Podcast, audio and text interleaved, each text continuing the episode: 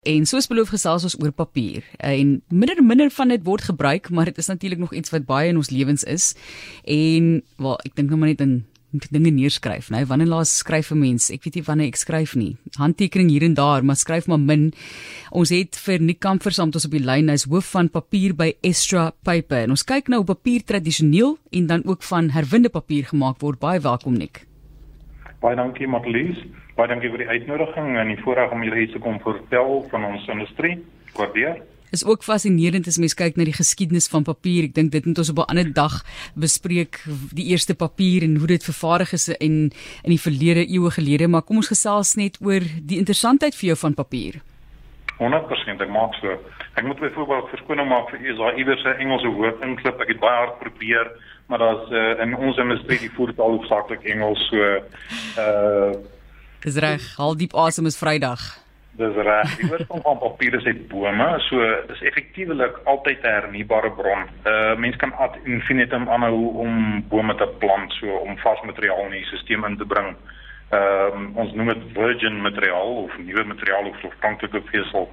Uh dit is in in in bome verwyder koolstofgas soos ons almal weet uit die atmosfeer. So dit lê dit vas as koolstofgebaseerde materiale en dan uh skei dit ook natuurlik uh, uh suurstof af. Sê vir ons as jy 'n vraag ook het op die SMS lyn, ons hoor graag van jou, maar kom ons gesels oor die tipe boom. Watter soort bome word gebruik? Dis hy hoofsaaklik uh harde en sagte houte. Harde houte soos bloekoms uh of eucalyptus en sagte houte soos denne spesies wat geplant is in Suid-Afrika. Uh, die harde hout gee vir ons meer korter vesels van ongeveer 1 mm lank en die sagte hout 'n langer vesel van tussen 2 en 4 mm on, onderskeidelik. Uh dit gee ook verskillende karakteristikke aan die papier wat éventueel daarvan gemaak word. So die harde hout maak dit tipies minder weerlatend of digter as jy wil en die sagte hout vesels verleen sterkte aan die papier. Uh dit is uh dis maar dit. En as mens kyk na die pulp self, Ekskuus tog. Hoe die pulp hoe dit gemaak word. Goed, dit eh uh, die bome word eers ontbas, geoes en ontbas en gekap om fyn stukkies en dit word dan gekook in 'n alkalisiese medium in resagtige groot vate. Hierdie goed is tot in met 100 meter hoog onder hoë druk, temperatuur en temperatuur om die lignine te verwyder. Die lignine is tipies soos 'n gom wat tussen die vesels is. Uh dan word die vesels wat vir wit papier word uh, gebleik met suurstof of waterstofperoksied of ozon of so iets en in hierdie veld kan ek geensins met gesag praat nie. Uh dis nou maar die virgin vesel. Uh ek persoonlik is met die uitsluiting van 'n bietjie teoretiese studies nog net betrokke gewees by herwinde vesel. Vertel vir uh, ons van daai vesel, bietjie meer daarvan wat jy nou verwys. Uh as 'n mens 'n stukkie papier skeer wat jy op jou mm, op jou op jou lesenaar het en jy hou dit in die lug dan sien jy iets wat lyk soos fyn haartjies. Nou, dis die vesels waarna ons verwys. Dit is fisies pypies wat in mekaar gedraai sit in verskillende rigtings. Mens noem dit fibriele. So mikroskopies is daar goeters wat wat helikse wat in mekaar gedraai is in verskillende rigtings binne in daai klein haartjie. Goed, baie baie interessant. Papier, hoe dit gemaak word en verskillende soorte papier sekerlik ook. Goed, daar is bruin of ongebleikte papier. Dit word tipies gebruik vir die maak van kartondose. Uh daar's twee kategorieë. Nou hier is een van die Engelse woorde liner vir die buitekant. Uh of die gladde kant van die kartondose, ek maar sê wat tipies e-, effe waterbestand is en 'n fluting wat baie sterk is in in die golfrigting van die geriffelde papier dan nou self ook die geriffelde papier binne in die kartondoos is. En ander gebruike vir brein is byvoorbeeld boekoortreksels, uh polisie dossier omslaa, leers, koeverte en jou skoolboeke se buiteblaaie. Daar's ook gebleikte papiere. Ja. Dis jou wit skryfpapiere, parkborde en kennisgewings en dan gekleurde papiere wat basies net die gebleikte papier is met 'n kleurstof bygevoeg en dan glanspapiere of matagtige glanspapiere wat uh tipies gebruik word in die maak van tydskrifte. En dit is baie hoog in kalsiumkarbonaat en dit word gekalender uh wat wat tot die mate van die glans wat benodig word. En miskien op baie keer word hulle uh uh jy weet 'n laagie opgesit van iets aan die buitekant wat hom dan glans gee. Dan is daar koerantpapiere wat jy nou-nou gesê het ons gebruik nie meer deesdae in die digitale era nie op groot skaal nie in elk geval. En oliverende papiere wat ook genoem word in Engels greaseproof papiere wat uh is soos vir wegneem kosse en dan facial tissue of sneespapier.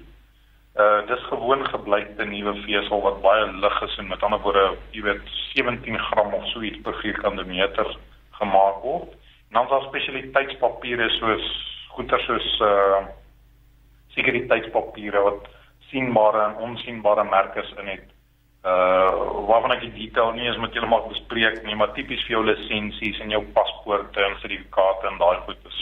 Ja. Ek moet net sê namens die koerantbedryf koop 'n koerant red 'n joernalis mense. OK, daai dis wat 'n bekende joernalis wat ek ken altyd sê op um, sosiale media. Ek sit hier links van my met 'n stapel papier. Ons lees nog steeds nuus af van papier so sodat jy aantekeninge daai tipe van ding kan maak en is makliker om te lees op die oog ook self. So ek is baie dankie of dankbaar dat papier herwin word natuurlik. So die tipe herwinde materiaal wat daar is en die pulproses, Nik. Goed, eh, die uh tipies of herwinde materiaal word ook gedoen genoem sekondêre materiaal. En dit word okay, ek ken net 'n klompie en dit is K4, dis jou gebruikte brein kartondoos of bokse wat versamel word op stortingsterreine en elders. Dan K3, dis jou uitknipsels van die corrugated industrie waar die bokse nou vervaardig word, sny hulle snippers uit van die goeder en dan beide die K3 en K4 bronne gaan weer terug in die maak van papier wat weer gebruik word vir maak van kartondose. En dan 'n ding wat ons noem industrial mixed waste of common mixed waste. Dit is tipies iets soos 'n multilaag multilaag wit kartonnetjie wat gebruik word vir uh, wegneem voedsel, sal ek maar sê soos vir skyfies of so ietsie.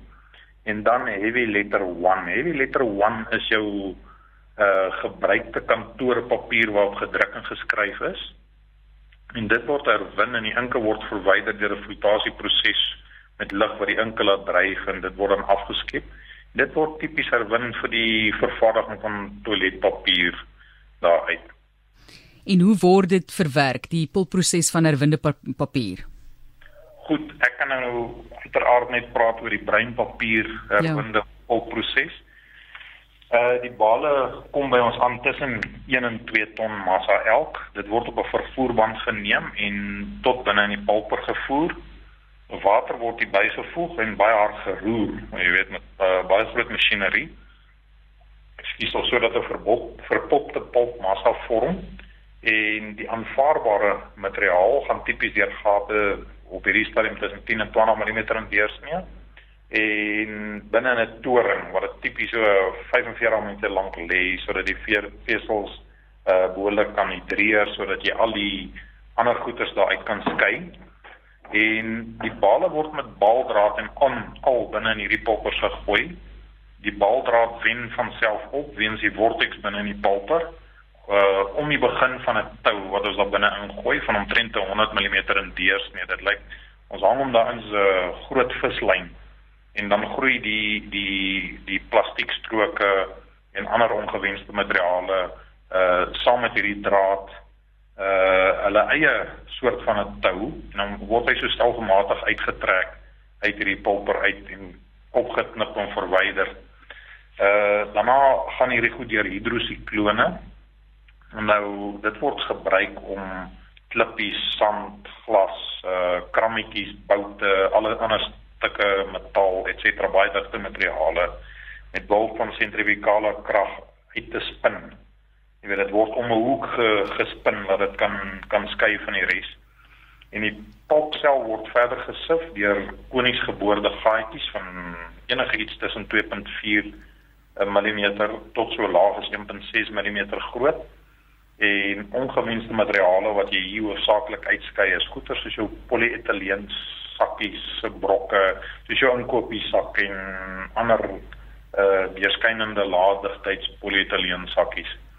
Uh daar's nog 'n stap van hidrosiklone hierna om nou nog fyner digte materiaal te verwyder soos die fynste sand wat jy aan kan dink.